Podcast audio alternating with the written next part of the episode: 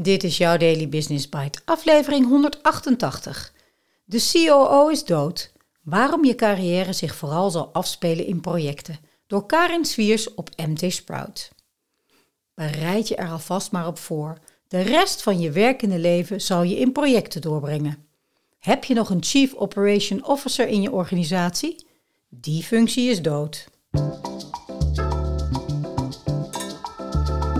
Je luistert naar Daily Business Bites met Marja Den Braber, waarin ze voor jou de beste artikelen over persoonlijke ontwikkeling en ondernemen selecteert en voorleest.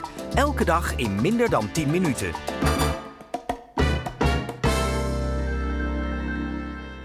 Antonio Nieto Rodriguez is dé wereldwijde expert op het gebied van projectmanagement. Hij heeft er zo'n 25.000 bestudeerd en schreef er vorig jaar nog een handboek over voor HBR. Dat hij de Chief Operation Officer nu voor dood verklaart, is best wel opmerkelijk. Om te begrijpen waarom hij er zo over denkt, eerst een stukje geschiedenis van zijn hand. We zijn allemaal opgegroeid in een wereld waar het runnen van een bedrijf, de operations, het belangrijkste was. De meeste organisaties hebben geleerd om succesvol te zijn door te focussen op efficiëntie, volume en kosten. Projecten waren nice to have, een optie, alleen belangrijk voor de projectmanagers, de rest van het bedrijf kon het niet schelen. Maar we zijn veel beter geworden in produceren. We lieten van alles maken in China en dus waren er voor operations minder mensen nodig. De operations managers raakten daardoor gefrustreerd en om de tijd te doden werden ze op projecten gezet. Ze gaan van een paar naar heel veel projecten naast hun dagelijkse werk. Vandaag weten de meeste CEO's niet eens meer hoeveel projecten ze in hun organisatie hebben lopen. Ze hebben meer projecten dan werknemers. Dat is in een notendop de evolutie, laat Nieto Rodriguez zijn publiek op de Deense President Summit weten. Op naar de disruptie. Artificiële intelligentie en robots veranderen de manier waarop we ons werk uitvoeren. Operations wordt volledig van de kaart geveegd, maar ook experts in finance en marketing zijn niet langer nodig de mensen gaan, juist, ook naar projecten. En zo komen we bij zijn projectrevolutie. De gig economy speelt zich af binnen bedrijven. Je bent nu allemaal Uber-chauffeurs geworden. Je beweegt je door de organisatie op basis van waar ze je nodig hebben in projecten.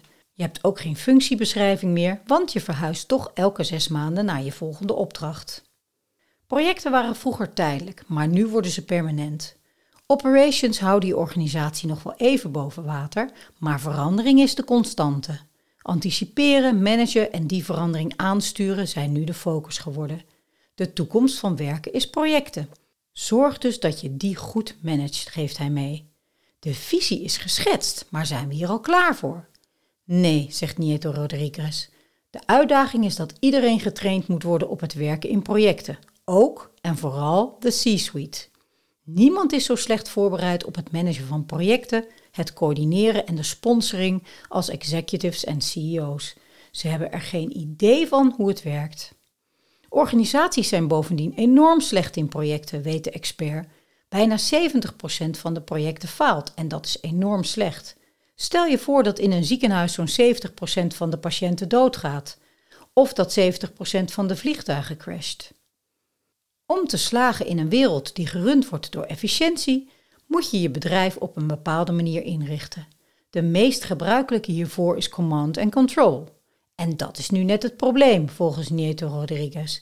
Je kan geen projecten runnen in hiërarchieën. Dat werkt niet. Je kan geen verandering of transformatie voor elkaar krijgen in silo's. Dat zijn we nu al meer dan twintig jaar aan het proberen. Als je een grote digitale transformatie in een hiërarchie wil leiden, dan is falen gegarandeerd. 100%. Wat heb je dan wel nodig in een wereld die gedomineerd wordt door de veranderingen?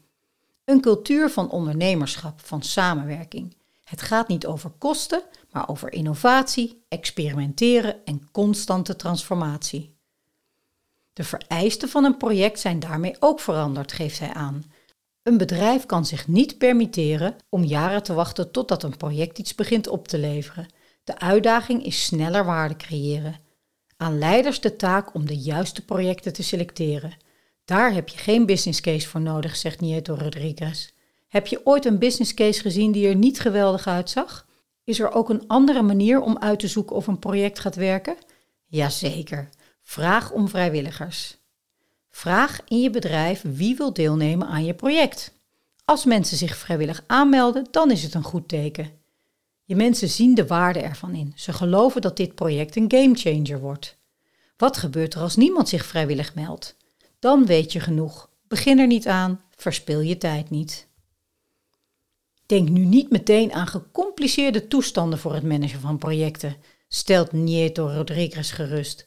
Hij heeft hiervoor een projectcanvas ontwikkeld dat je voor elk project kan toepassen bij het selecteren en bij het opvolgen ervan. Je vindt een eenvoudige versie in zijn artikel op HBR of de uitgebreidere versie op zijn website. De onderliggende basis van alle projecten: purpose, investeringen en opbrengsten. De purpose is het belangrijkste, want daarmee creëer je betrokkenheid voor je project. Je moet niet alleen een doel hebben, maar ook een plan om dat doel waar te maken. Dat is waar mensen enthousiast van worden. Zoals het bekende verhaal van de conciërge van NASA, die de vloer dweilen zag als zijn bijdrage om de eerste mens op de maan te zetten. Wat zijn projecten in jouw organisatie waar de mensen trots op zijn?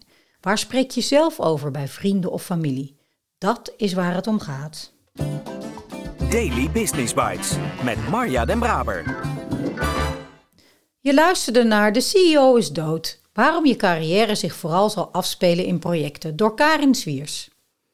Wat een tof onderwerp pakt Karin hier weer op. En schept ook meteen duidelijkheid. Luister maar, je bent nu allemaal Uberchauffeur geworden. Je beweegt je door de organisatie op basis van waar ze je nodig hebben. De toekomst van werk is projecten. De manier om uit te zoeken of een project gaat werken? Vraag om vrijwilligers. En als geruststellend idee, niemand is zo slecht in projecten als executives en CEO's. Het is een realiteit die ik in de praktijk echt herken. Een organisatie die, in dit geval wel een heel groot project, meer een programma eigenlijk, dit ergens moet ophangen. Een directie die hier nauw bij betrokken moet zijn, maar daar eigenlijk geen tijd voor heeft. Of eerlijk gezegd, er gewoon geen bal van snapt. Tel daarbij de niet meewerkende reacties van de lopende organisatie op en je zit in een heel lastig pakket als programmateam of projectteam. Maar ik vind het super om hierdoor nog een keer bevestigd te zien, net als in het boek Teaming van Hans van der Loo en Patrick Davidson, dat het werken in meerdere teams en in projecten de toekomst is. Ook zie ik direct een rol weggelegd voor HR in deze. Want sommige mensen zullen volledig gedijen in deze manier van werken, met veel afwisseling en steeds verschillende samengestelde teams en leiders. Maar anderen zullen nog een ontwikkeling door moeten maken, vermoed ik zo. Heel interessant dus op meerdere vlakken. Ik spreek je graag morgen weer voor deel 3 en vrijdag deel 4 over het bouwen van je tweede brein. Ik kijk er naar uit.